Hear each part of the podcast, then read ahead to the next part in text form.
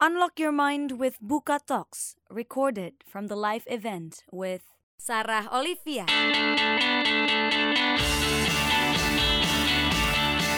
Aku keciduk temen sekelas aku.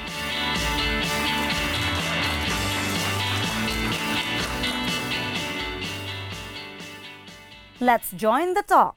Apa sih yang teman-teman pikirin kalau dengar kata game? Game itu kan hiburan, happy, senang, disukai banyak anak-anak. Itu merupakan dampak positif dari game. Nah, apa sih uh, pikiran orang lain terhadap game di negatifnya?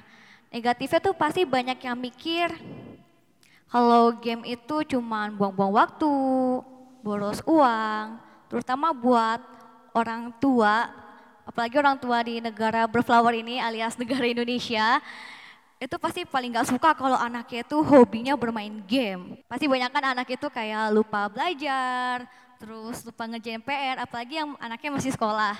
Kalau untuk kenyataannya sih itu yang negatif-negatifnya. Di aku sendiri sih, aku itu hobinya bermain game. Aku dari kecil itu semenjak papa aku beliin aku Nintendo. Waktu itu umur aku masih 2 tahun, aku dibeli Nintendo, aku main sama kakak aku, sama papa aku. Nah, abis dari Nintendo, aku lanjut dikasih PS1 dari sepupu aku. Jadi dari kecil aku udah dicekokin game sama papa aku dan aku juga zamannya masih PS1, aku sampai suka rebutan PS sama kakak aku. Itu hobi aku dari kecil. Sampai di mana aku kelas 5 SD, aku mulai mengenal game online. Jadi waktu itu aku ada tugas atau PR dari guru, terus disuruh di print dan tugas saya itu harus cari di Google. Nah waktu itu barulah aku ke warnet waktu itu. Warnet itu warung internet ya, warung internet. Nah di warnet itu setelah aku ngerjain tugas, aku uh, lihat-lihat di komputernya itu wah ada game nih, terus aku klik iseng-iseng. Waktu itu zamannya aku main game online, Ayo Dance, Point Blank, Counter Strike. Mungkin teman-teman di sini pernah dengar game-game online tersebut ya. Nah itu aku main di zamannya game-game itu lagi hits banget. Abis itu karena aku coba main game, akhirnya ketagihan main game online. Sampai pada akhirnya besok-besoknya lagi aku uh, ke warnet itu lagi, main game itu lagi. Dan sampai pada akhirnya saat aku masih SD, itu jadi rutinitas aku ke warnet tiap hari. Bayangin anak masih kecil segini udah ke warnet, yang di mana warnet itu isinya anak cowok semua. Mungkin teman-teman di sini mikir, ini orang tuanya nggak ngelarang kah anaknya masih kecil, masih kelas 5 SD, ke warnet main game. Nah, di sini aku nggak dilarang main game sama orang tua. Kenapa? Pertama, aku disiplin waktu. Jadi aku bisa memposisikan diri aku, membedakan timing mana belajar, mana main game. Jadi aku punya perjanjian sama mama aku, kalau mau ke warnet itu uh, dari jam 4 sore pulangnya nggak boleh di atas jam 6 sore. Jadi pulang dari warnet itu, eh pulang dari warnet harus nyampe sebelum maghrib. Yang kedua, aku bertanggung jawab nih sama nilai aku di sekolah. Aku uh, semenjak uh, sering ke warnet waktu itu nggak pernah sih nilai aku jeblok itu. Dan yang ketiga sih yang itu selain bertanggung jawab, aku juga pas SD itu beli-beli warnet ya dari hasil uang jualan aku. Jadi pas SD aku jualan ciki-ciki ke kelas dan keuntungannya itu sebagian buat beli-beli warnet dan sebagiannya buat ditabung. Sampai pada akhirnya aku tiap hari ke warnet dulu hmm, waktu itu pernah yang namanya udah kelas 6 SD dan kelas 6 SD aku masih tiap hari ke warnet main game. Jadi tuh kalau aku sehari gak main game, itu kayak ada yang hampa gitu di dalam diri aku. Sampai pada akhirnya aku ke warnet waktu itu pas mau ujian nasional ya. Pas mau ujian nasional, kebetulan warnetnya itu deket sama rumah teman sekelas aku. Sampai suatu saat aku keciduk temen sekelas aku lagi main di warnet aku. Terus tiba-tiba dia ngelapor ke guru aku Dan guru aku pada akhirnya lebih ke khawatir kali ya, kayak khawatir, Sar jangan main game dulu, mau ujian nasional.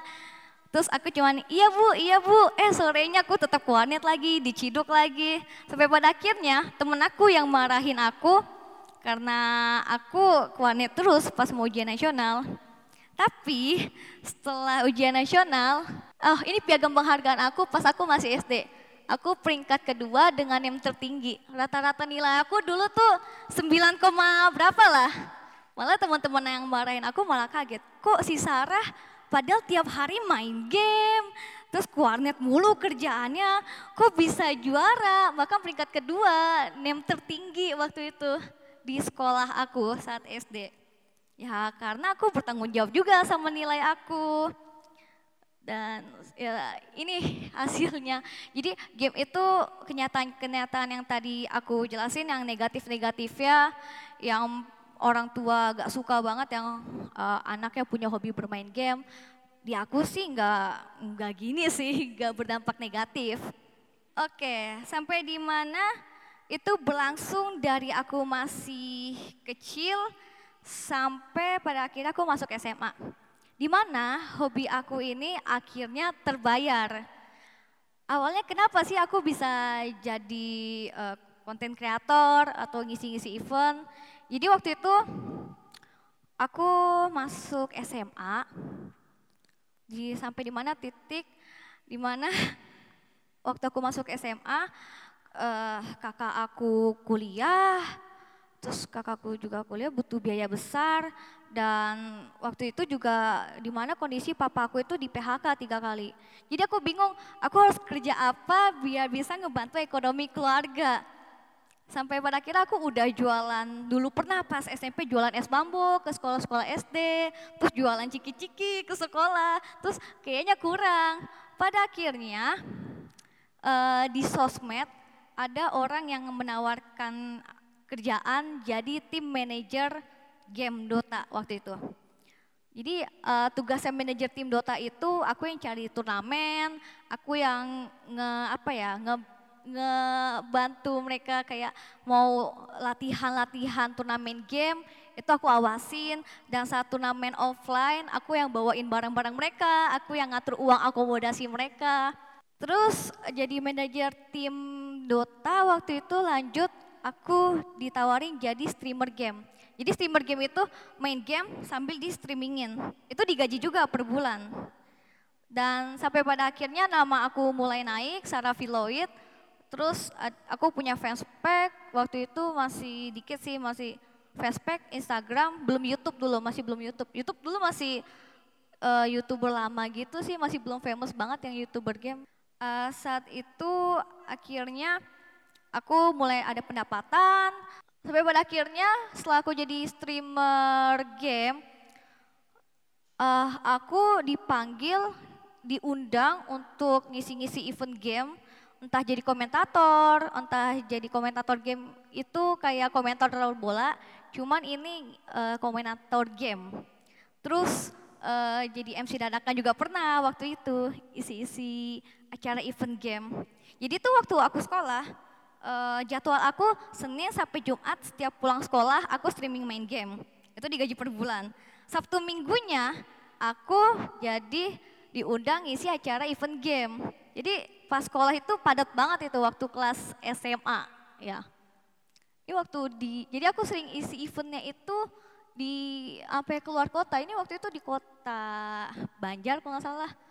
Terus ini jadi caster game waktu itu ini di Jakarta ini ikut turnamen game. Jadi selama aku jadi gamer, uh, gak harus game-game terus, aku juga masuk ke ranah bisnis. Aku juga isi uh, apa ya, bikin konten-konten juga. Ini YouTube aku. Sekarang subscriber aku 700 ribu, follower Instagram kalau nggak salah terakhir 800 ribu. Jadi setiap hari ini aku hampir uh, upload video di YouTube jadi kerjaan aku, kesibukan aku akhir-akhir ini uh, isi konten game. YouTube aku isinya banyak kan uh, tentang game ya. Sama 10% itu mungkin vlog.